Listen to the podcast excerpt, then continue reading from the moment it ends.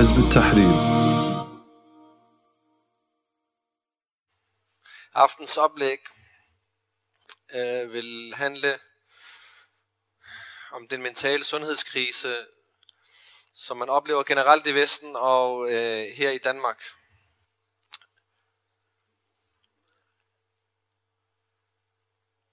Samfundet oplever en udfordring i folks mentale helbred. Rigtig, rigtig mange mennesker mistrives og døjer med mental sundhed eller mental usundhed. Dansk Psykologiforening siger, og det her det er et citat. Vi har en mental sundhedskrise i Danmark. Hver syvende barn får en psykisk diagnose inden de er 18 år. Hver tredje kvinde og hver femte unge mand mellem 16 og 24 år melder om at have dårlig mentalt helbred. Unge med psykiske udfordringer har ofte svært ved at få en uddannelse, og den primære årsag til, at de unge falder ud af ungdomsuddannelserne, af psykisk mistrivsel. Alt for mange har svært ved at komme i gang med voksenlivet og risikerer et liv i udkanten af arbejdsmarkedet.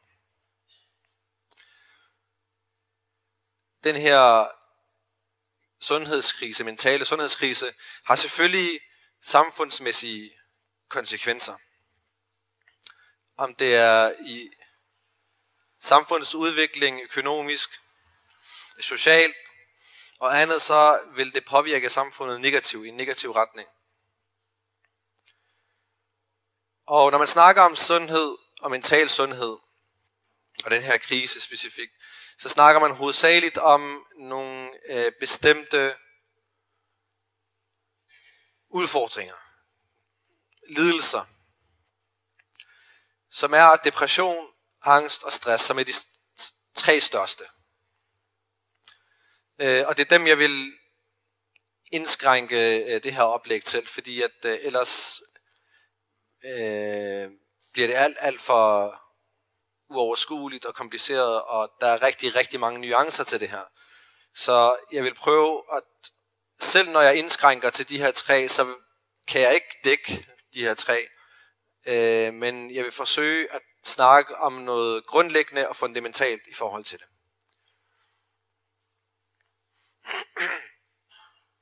Først, hvad er det egentlig, det betyder at være deprimeret? Hvad er en depression egentlig? Fordi vi har alle sammen dage, hvor vi ikke har det så godt som andre dage, altså hvor vi er nede. Men hvad er det, vil det sige at have en depression? Ifølge, nu har jeg selvfølgelig taget nogle øh, definitioner, så vi kan tage afsæt også i de tal, som jeg gav i starten. Øh, ifølge Psykiatrifonden, så er depression, at man føler sig trist, nedtrykt og træt. Alting føles håbløst og meningsløst. Og man mangler sin sædvanlige energi og interesse for de ting, man plejer at gå op i. Man føler, at man ikke slår til, og er overvældet af negative tanker om, at man ingenting kan, og at man, man er uden betydning. Så det her, det var definitionen på depression. Den første af de tre. Nu, nu går jeg bare igennem, stille og roligt, definitionerne, som de har givet, og så prøver vi at kigge på dem. Angst, som er den, som er mest hyppig faktisk af de tre, øh, forklares ved, at angst er en naturlig reaktion på noget, der føles farligt, men den her lidelse er, at når angstreaktionen er ude af proportion med den reelle fare. Og så er der selvfølgelig mange typer af angst. Og øh, en af typerne, som er den generaliserede angst, og den er, øh, bliver forklaret ved, at generaliseret angst er ikke begrænset til bestemte situationer. Det vil sige, at det er ikke en situation, man står overfor, som gør, at man bliver bange. Man føler, at det her det er farligt. Men det er kendetegnet ved, at det er nogle tanker, de siger, at det er kendetegnet ved, at man bekymrer sig mere end normalt, og er i en mere eller mindre konstant tilstand af ængstelig, øh, ængstelse og uro. Bekymringer kan handle om mange ting, de her bekymringer, man hele tiden konstant er i. Så siger de det eksempel, økonomi, familie, arbejdsløshed osv. Den tredje og sidste af de tre er stress. Der står sådan her. Stress er ikke en sygdom, men en belastningstilstand, som både kan være fysisk og psykisk. Belastningstilstand opstår, når ydre eller indre krav overstiger de ressourcer, den enkelte har eller oplever, at han eller hun har.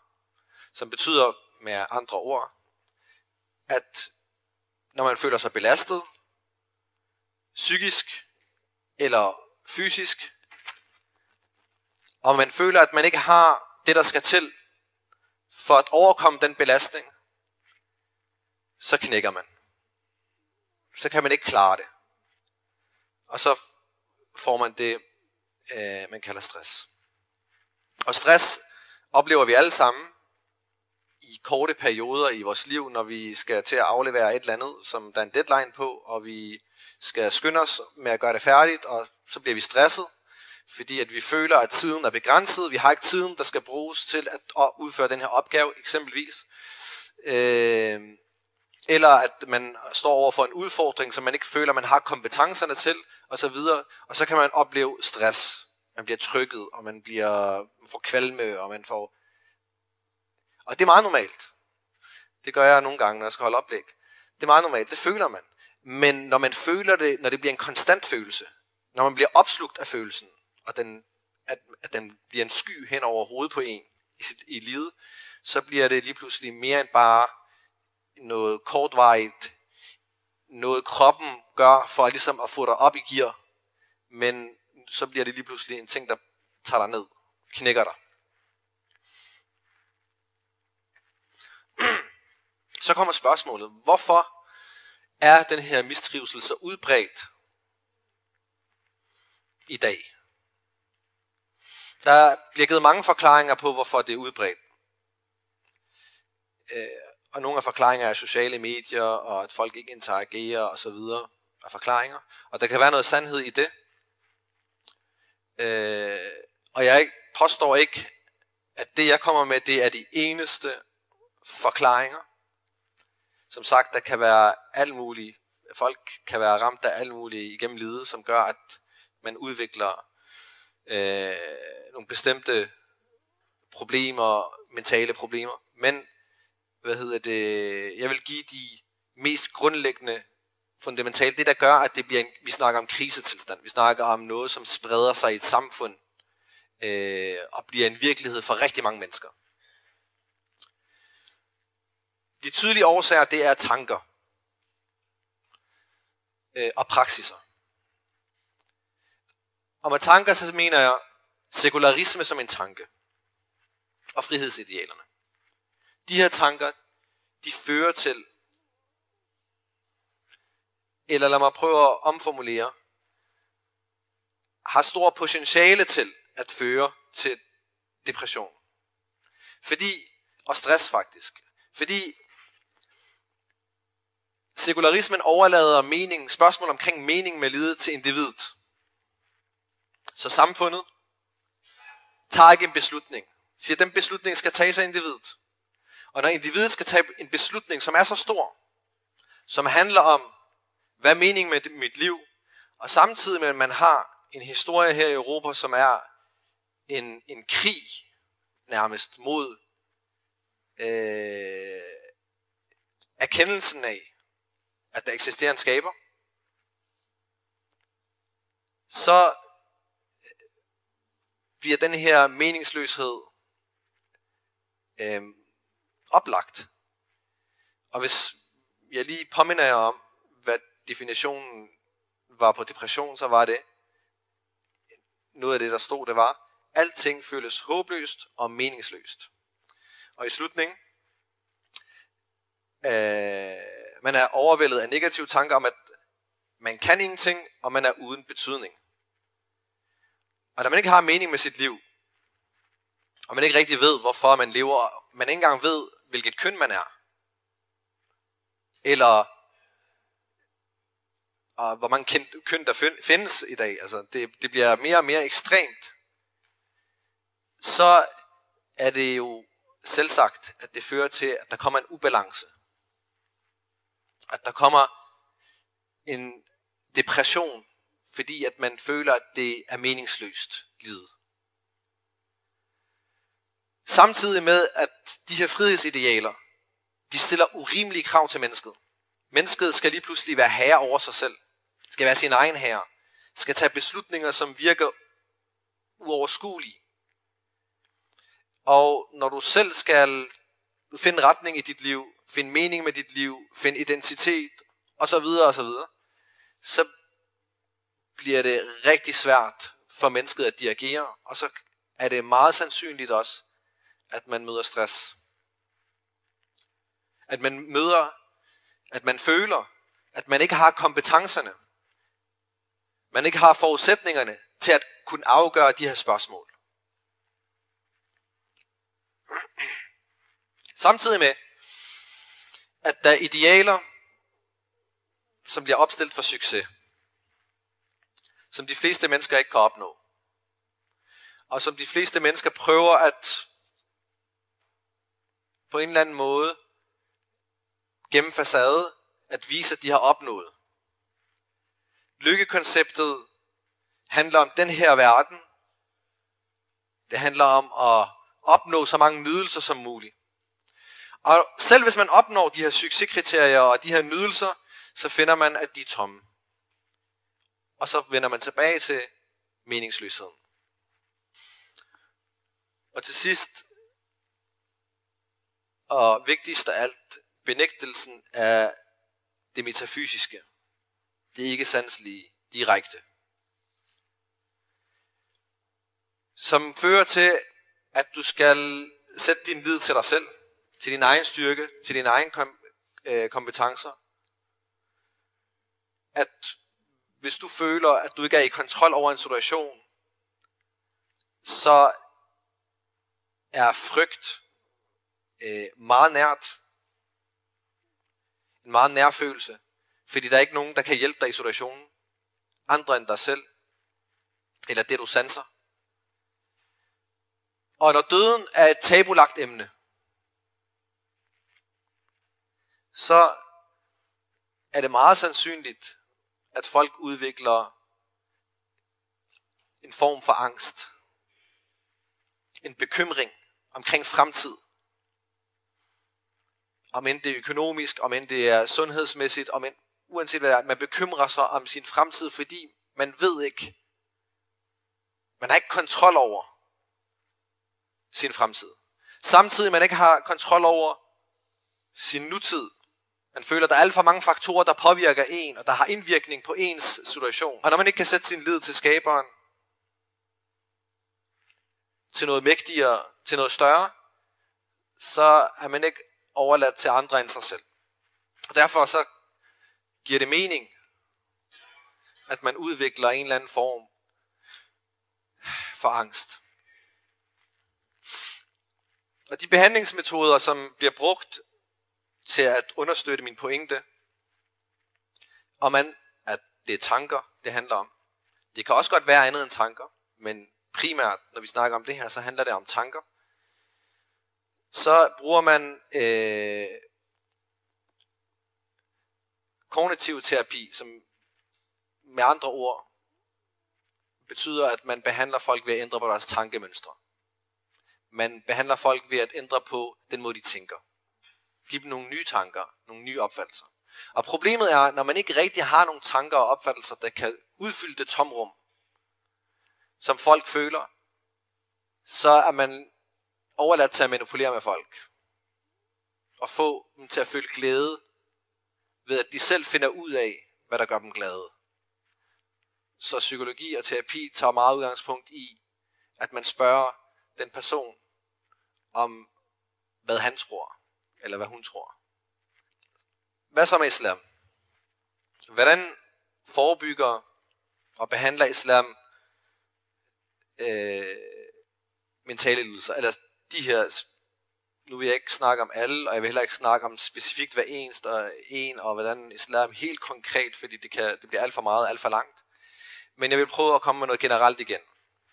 Det korte svar, det er selvfølgelig, at islam behandler med tanker og med regler. Altså at man handler ifølge et bestemt, nogle bestemte øh, regler. Og med tanker, så er det selvfølgelig, at islam giver et bestemt livssyn, en mening med livet. Og det kommer man frem til via intellektet. Så det bliver en overbevisning med intellektet, som giver ro i hjertet. Det bliver en overbevisning, som sætter sig fast. Og som giver en tryghed, fordi den giver en mening. Som er tilbedelsen af Allah subhanahu wa ta'ala. Det er det, der er meningen. Med vores skabelse i det hele taget. Og meningen i det her liv, et fokus, en mission og en kamp, som er, at islam skal være til stede. Retfærdighed skal etableres. Og kampen om at sprede retfærdighed og etablere retfærdighed, som et få et fokus og et formål. Og regnskabet på domdagen, det er det, der bekymrer en. Det er det, der optager ens sind i den her kamp og i den her tilbedelse. Og samtidig med, at man selvfølgelig ved, at der er det her regnskab, og man derfor, Allah subhanahu wa ta'ala, han skaber et menneske, som kan føle frygt, så kanaliserer han frygten til at frygte det regnskab. Frygte mødet med Allah subhanahu wa ta'ala. Frygte Allahs straf. Og lad være med at frygte alt det andet. Synet på den her verden, den bliver, verden er ubetydelig, altså dunya, i forhold til regnskabet og akhira. Så bekymringen bliver en bekymring, og det bliver mit regnskab på domdagen. Og når den, der skal stille dig til regnskab, han er Rahman al-Rahim, og han er den, der siger, han er den, der siger, La yukallifu Allahu nafsan illa us'aha. At Allah han bebyrder dig ikke med noget, du ikke kan klare. Det vil sige, dine kompetencer, din kunde, er i overensstemmelse med kravene, der bliver stillet fra dig. Og ikke over det, du kan. Så fylder de her koncepter og de her tanker en person med tryghed. Og med et håb. Samtidig med en bekymring for det regnskab, som man handler og som man er påpasselig med den måde, man opfører sig.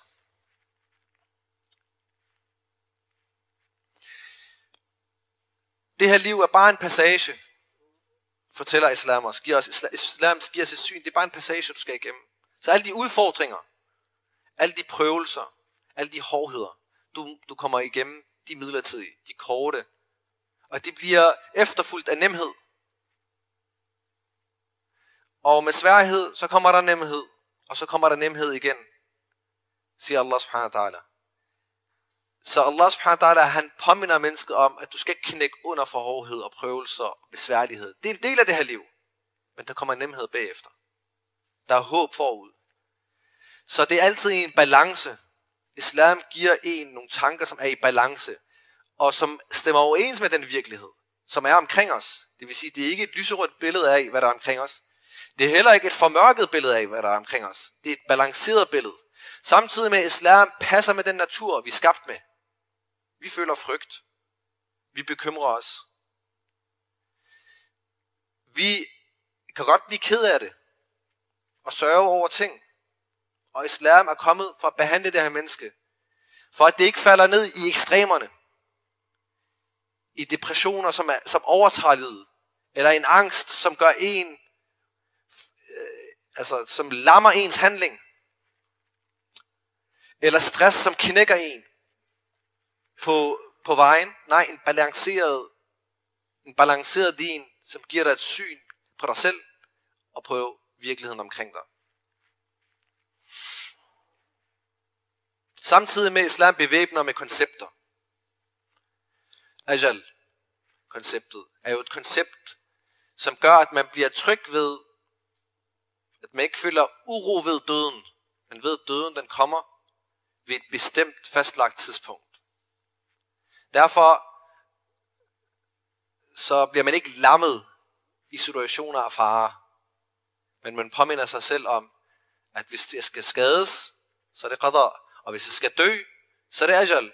Og hvis jeg mister penge, så er det risk. Og den eneste, der kan hjælpe mig i situationer, hvor jeg ikke har kontrol, hvilket er det meste af tiden, og i de fleste situationer, det er Allah subhanahu wa ta'ala, så er der tawakkul. Så koncepter, der bevæbner en, og der garderer en fra alle vinkler til at være et menneske, som er beskyttet mentalt.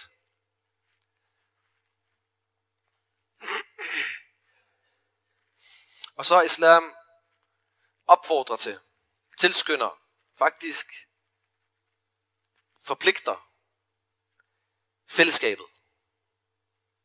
Og ikke holde sig til sig selv. Og en af de ting, som de her lidelser fører til, det er, at man, man afskærer sig fra fællesskaber. Man ikke kan fungere i fællesskaber. Man har ikke lyst til at være i fællesskaber. Men islam tvinger en ind i, fællesskabet, ind i fællesskabet. Hvorfor? Fordi det er faktisk behandlingen, hvis du har noget.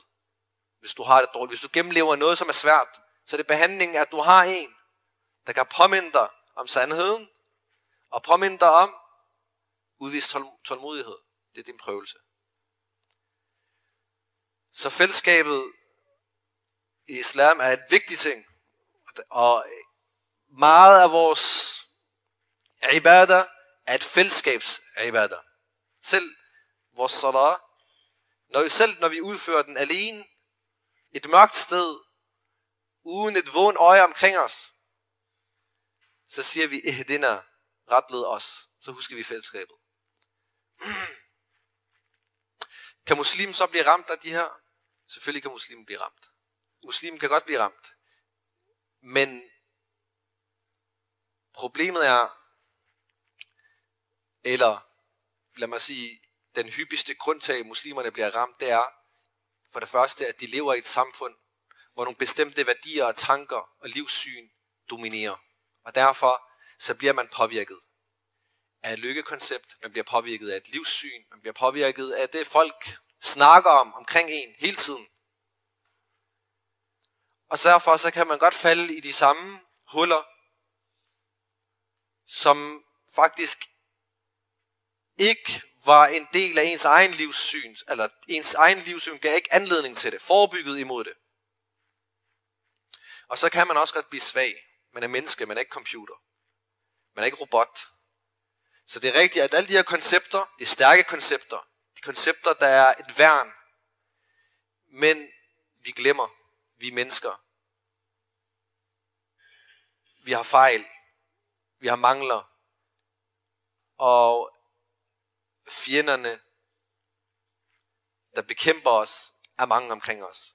Vores egen nafs, shaitan, dårlige venskaber, indflydelse, miljø, og så videre og så videre. Listen er lang. Så vi har en hel masse påvirkning på os, som er negativ, som godt kan få os det, øh, kan godt få, at vi, eller kan godt gøre os øh, tilbøjelige, fordi vi bliver distanceret fra de her tanker, som islam bringer for dagen. Samtidig med, hvis, eller udover det, hvis islam er lært teoretisk, fordi man kan godt have styr på at forklare, der var gula ajal og rizq. Man kan forklare dunya, hvad den er, og akhiras betydning, og dens prioriteringer, og så videre. Man kan komme med lange forklaringer, smukke forklaringer. Men hvis man ikke lever dem, hvis man ikke lever de her koncepter og de her tanker, på den hverdagsplan, hvis man ikke lever den, så udvikler man ikke en robust mentalitet og psyke. Med mentalitet, så mener jeg faktisk psyke. Fordi det, der plejer ens psyke, det, der gør en mentalt robust, det er, at man praktiserer. Man, det, man ved, det skal, man skal handle efter det. Jeg kan sidde og læse tusind bøger om, hvordan man træner. Det bliver jeg ikke stor af. Det bliver jeg ikke stærk af. Det er først, når jeg rammer motionscentret og gør det, jeg har lært, så begynder jeg at blive stærk, og så begynder jeg at udvikle mig. Og på samme måde er det med psyken. Du skal handle. Så en nær person, han kan ikke, det er ikke nok at sidde og læse om, hvad gavmildhed, hvor stort det er, og hvor, hvor grimt nærighed er. Og så derefter, så bliver man lige pludselig gavmild. Nej, det gør ondt at give ud første gang, og anden gang, og tredje gang, og fjerde gang. Men så begynder man at vende sig til det. Man overvinder frygten for fattigdom. Og gavmildhed bliver en del af ens natur. Og det kræver handling. Det kræver, at man praktiserer. Og det er sådan, man opbygger en robust psyke. Jeg stopper her, og så overlader jeg så resten til diskussion, så det bliver halv-halv. Barakallahu fikum. Barakallahu fik for dit oplæg, Erik. Øh, det er jo meget rettidigt, kan man sige, i forhold til det fokus, der har været på det her, på det sidste. Jeg har lige en øh, kort kommentar til det sidste, du nævnte, i forhold til det her med at leve det. Øh, jeg kan huske for efterhånden mange år siden, så stødte jeg på et eksperiment, som en fyr, han var ikke kristen, øh, eller noget som helst form for troende. Han besluttede sig for, at han i en måned eller to, så ville han prøve at leve efter de kristne forskrifter, hvor meget der nu er, øh, i forhold til sådan moralsk, øh, hvad der er korrekt og hvad der er øh, forkert adfærd afholde sig for det. Og efter han var færdig med det eksperiment, så kunne han mærke, at det føltes forkert at lade være med at leve efter de vaner, som han nu havde tillagt sig.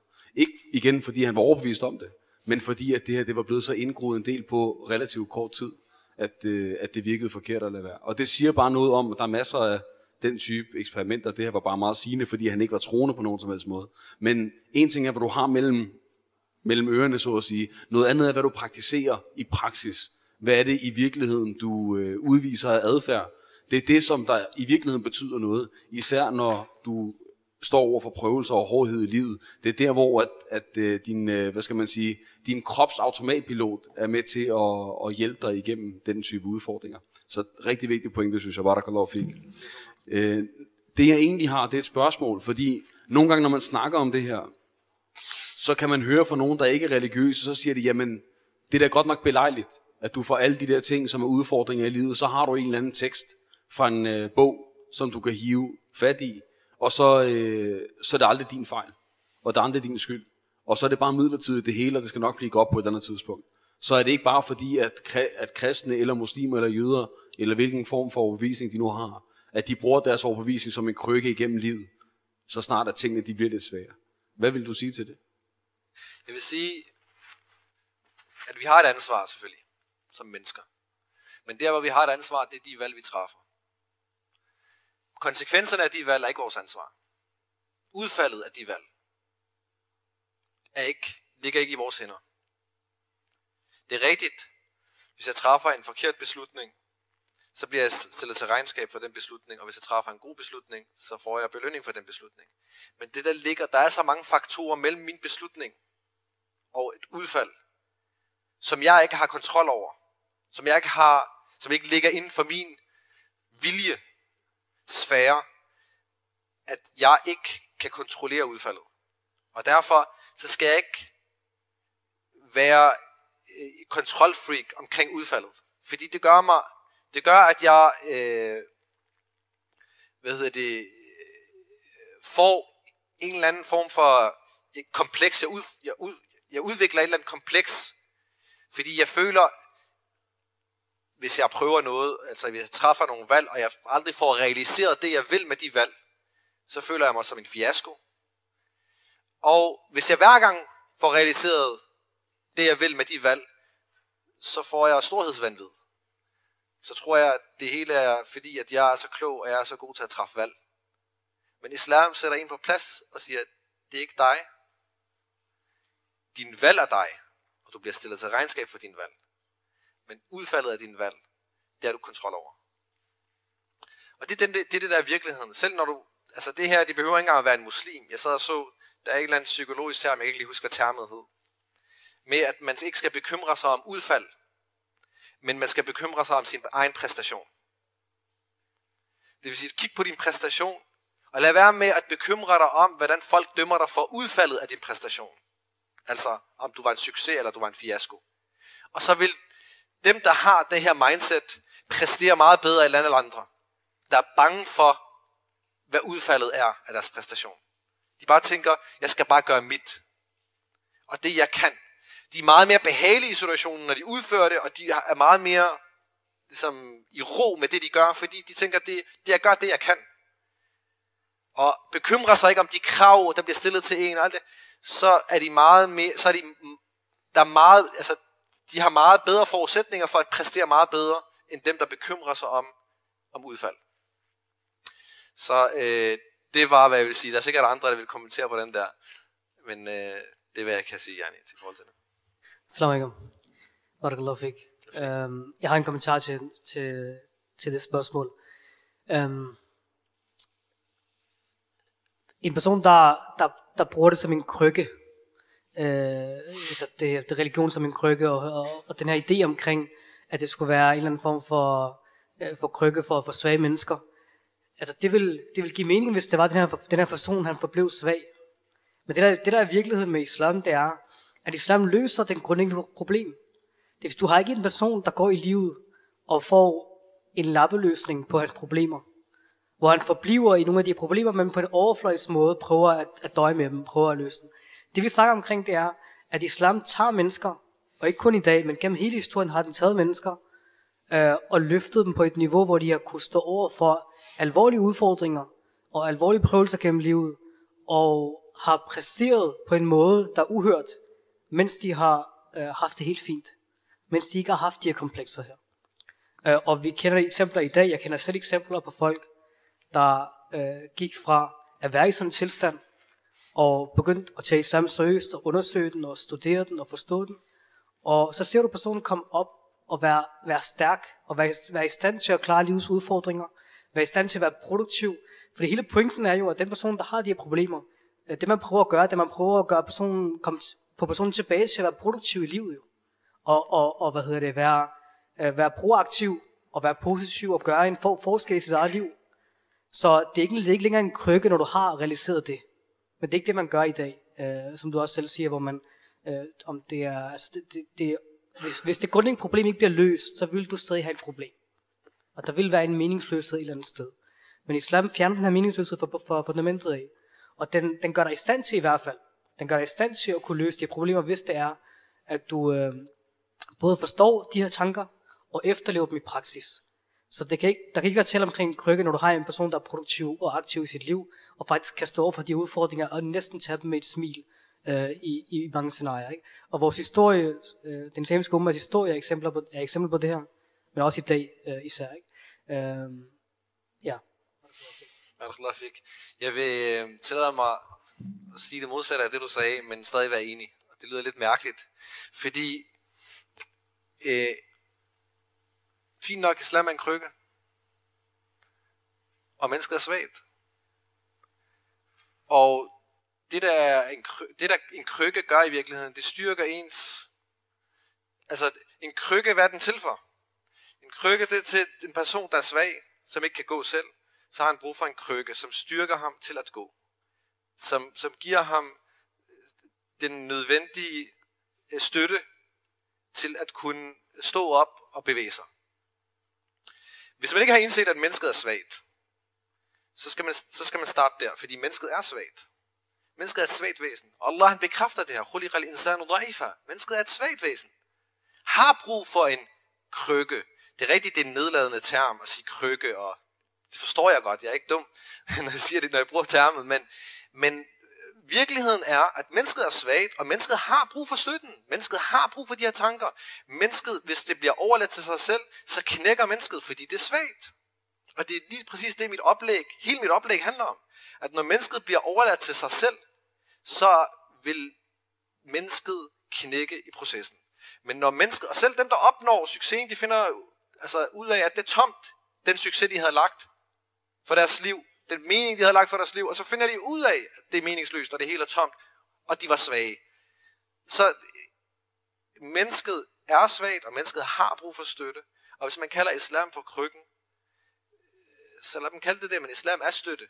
Islam styrker, islam tager en op, som du, som du formulerede det. Tager en op, ligesom en krykke, den tager en op, når man skal rejse sig. Ikke? Så, det, så hvad hedder det, øh, hvad er problemet?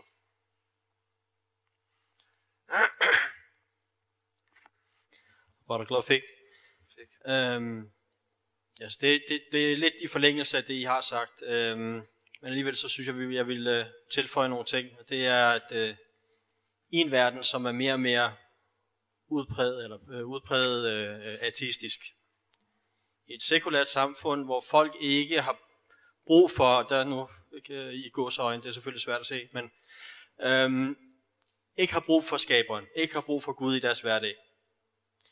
Øh, jamen, der står der med et problem, fordi at ateisme giver dig ikke svar på nogen ting.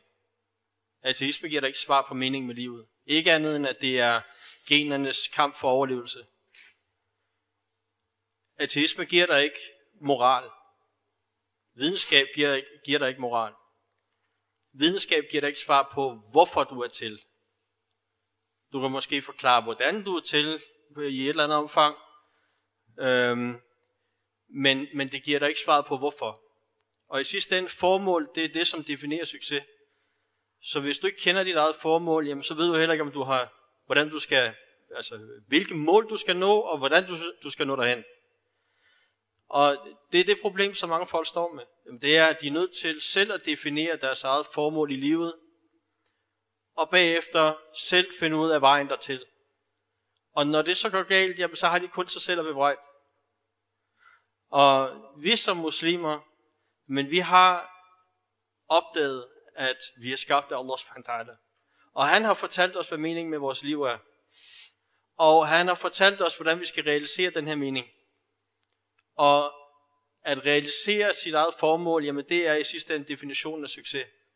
Og det vil sige, at, at en, en, en muslim, som handler på en bestemt måde, ud fra sin overbevisning, selv hvis resultatet det bliver forfejlet, altså i en materiel forstand, og han mister sit arbejde, eller han bliver skilt fra sin kone, eller hvad ved jeg, han øh, bliver handicappet, eller det kunne være hvad som helst.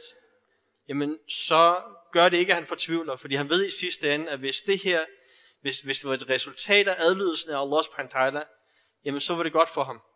Så hele spørgsmålet omkring khed og shar, og at forstå, at at, at godhed kan godt komme ud af hårdhed og ud af, af, af materielt tab, jamen så gør det lige pludselig, at han har nogle målstokke. Og det er virkelig, og det er virkelig også her, hvor, hvor den her krykke den kommer ind i, i billedet.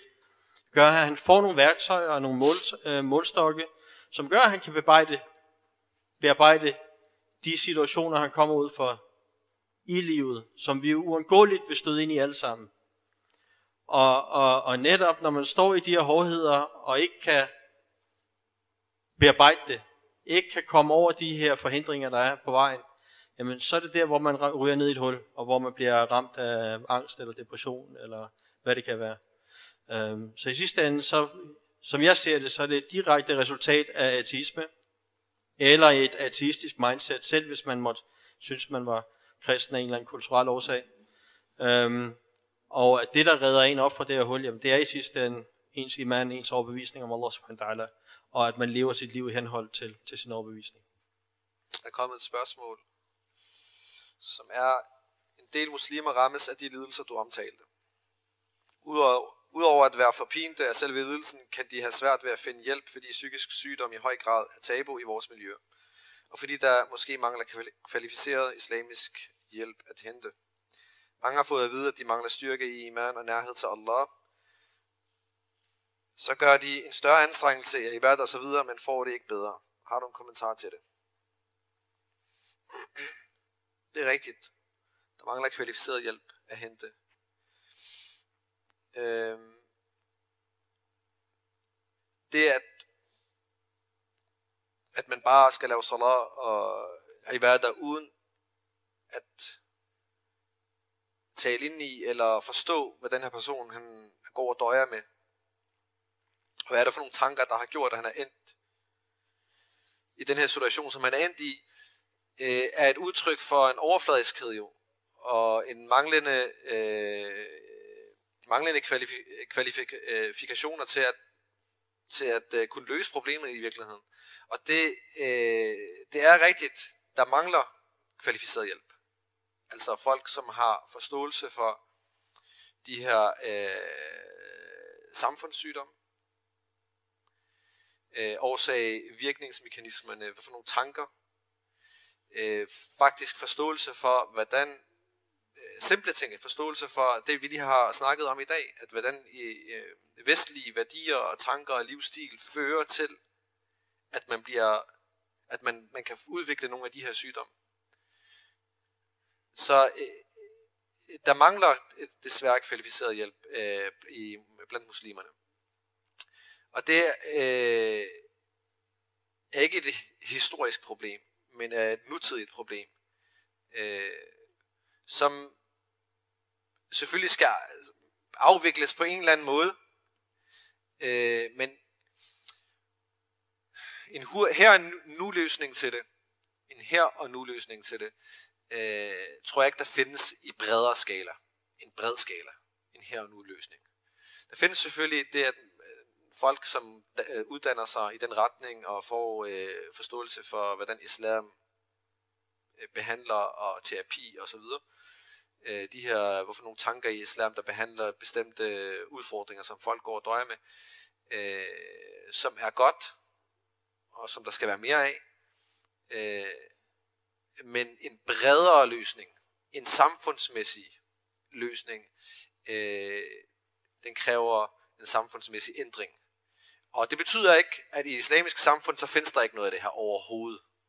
Nej, det kan godt findes. Det kan godt eksistere. Men i så bred skala, at det er en krise, øh, at det er hver fjerde person eller hver femte person, der lider. Nej, ikke på den skala der. Øh, I hvert fald ikke, hvad historien har nedskrevet, hvad vi kender til. Det er et nutidigt problem, og grund til, at jeg kan sige, det er et nutidigt problem, fordi et er ud fra historisk, øh, det ikke er nedskrevet, så kan man sige, ja, men fordi det er noget ikke er nedskrevet, betyder det ikke, det ikke har været der.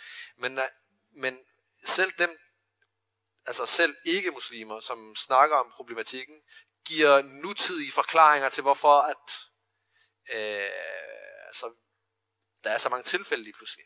At, at hvorfor at det er blevet så stor skala. Og et af de eksempler, som jeg startede med at øh, lægge ud med, var sociale medier som er et nyt fænomen, og ikke et... Øh, og så siger de, det, det, det kan være en af, af årsagerne. Og jeg tror faktisk, at jeg er enig i, at det middel øh, er med til at sprede en falsk facade af, hvordan folk har det, som gør, at rigtig mange folk har det dårligt.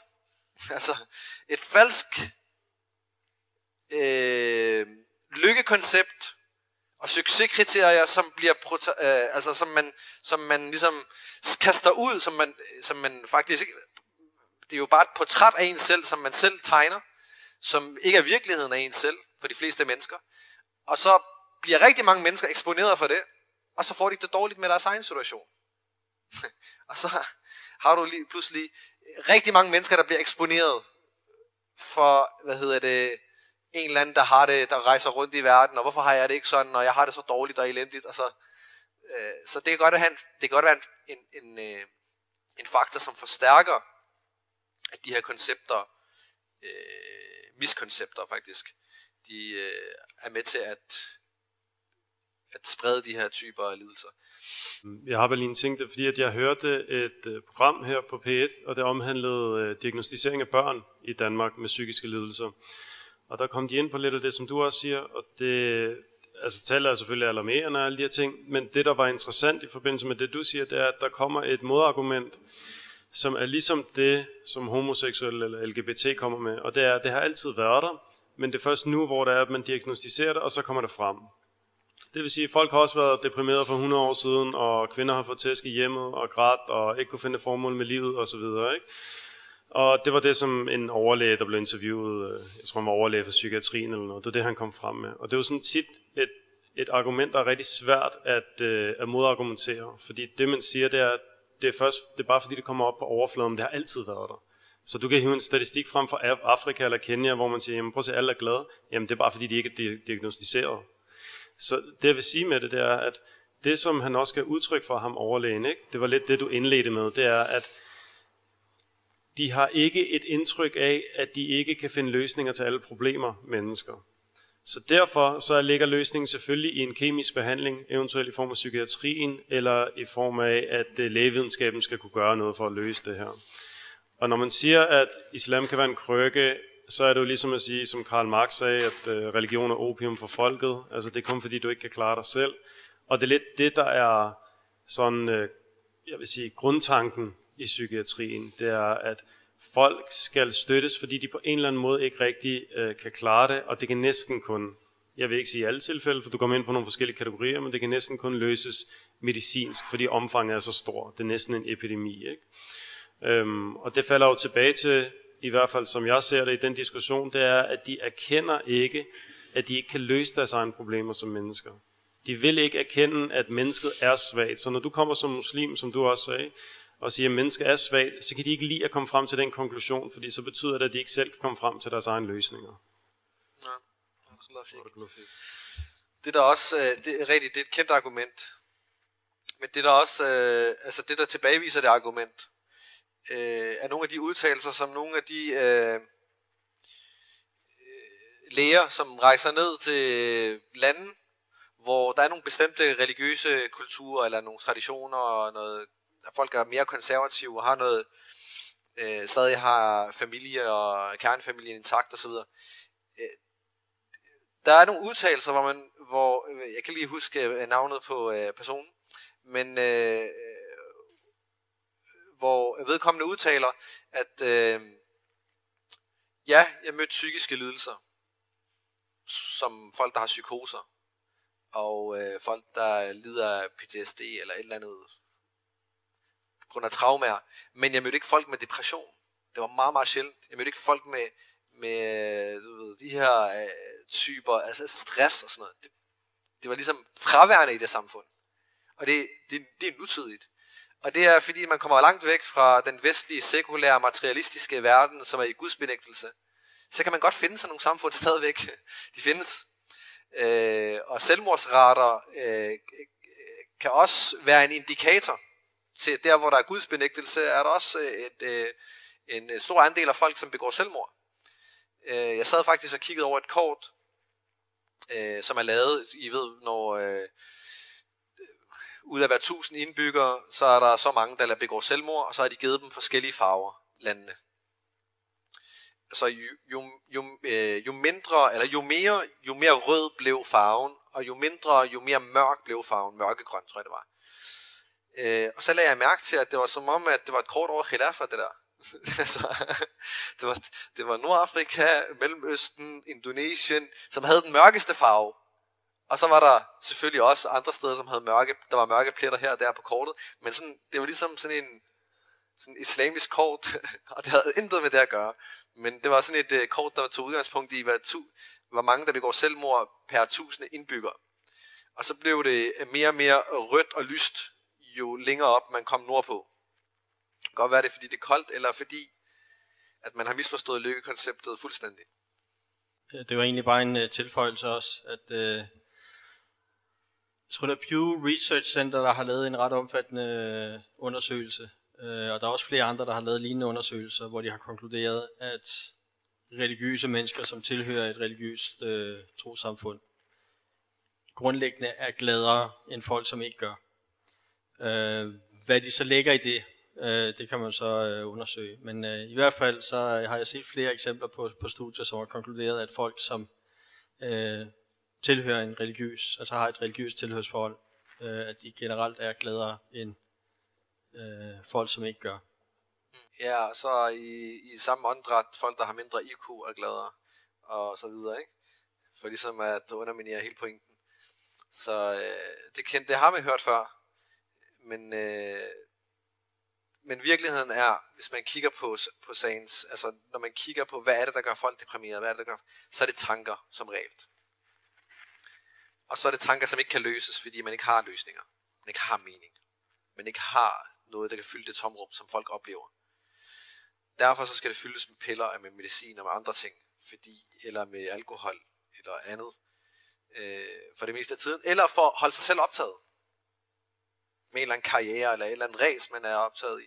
Indtil at man rammer mål, så finder man ud af, at det hele var det samme alligevel. Så øh, det er det, der er kernen og essensen faktisk. Det er, det er, det er tanker. Og øh, hvis man mener, at, at folk, der har mindre IQ, eller folk, der er religiøse, og, og samtidig har mindre IQ, det er dem, der er glade. Øh, så lad os tage en debat og en diskussion om, øh, om hvem der har skabt universet, om det er skabt eller ej. Og så lad os gøre det klart og kendt, hvem der har mindst IQ. Jeg tror, jeg slutter af med de her ord. Øh, Barakallah fikum for jeres øh, deltagelse og jeres øh, hvad hedder det, opmærksomhed. Og også til dem selvfølgelig, der følger med online. Barakallah fikum.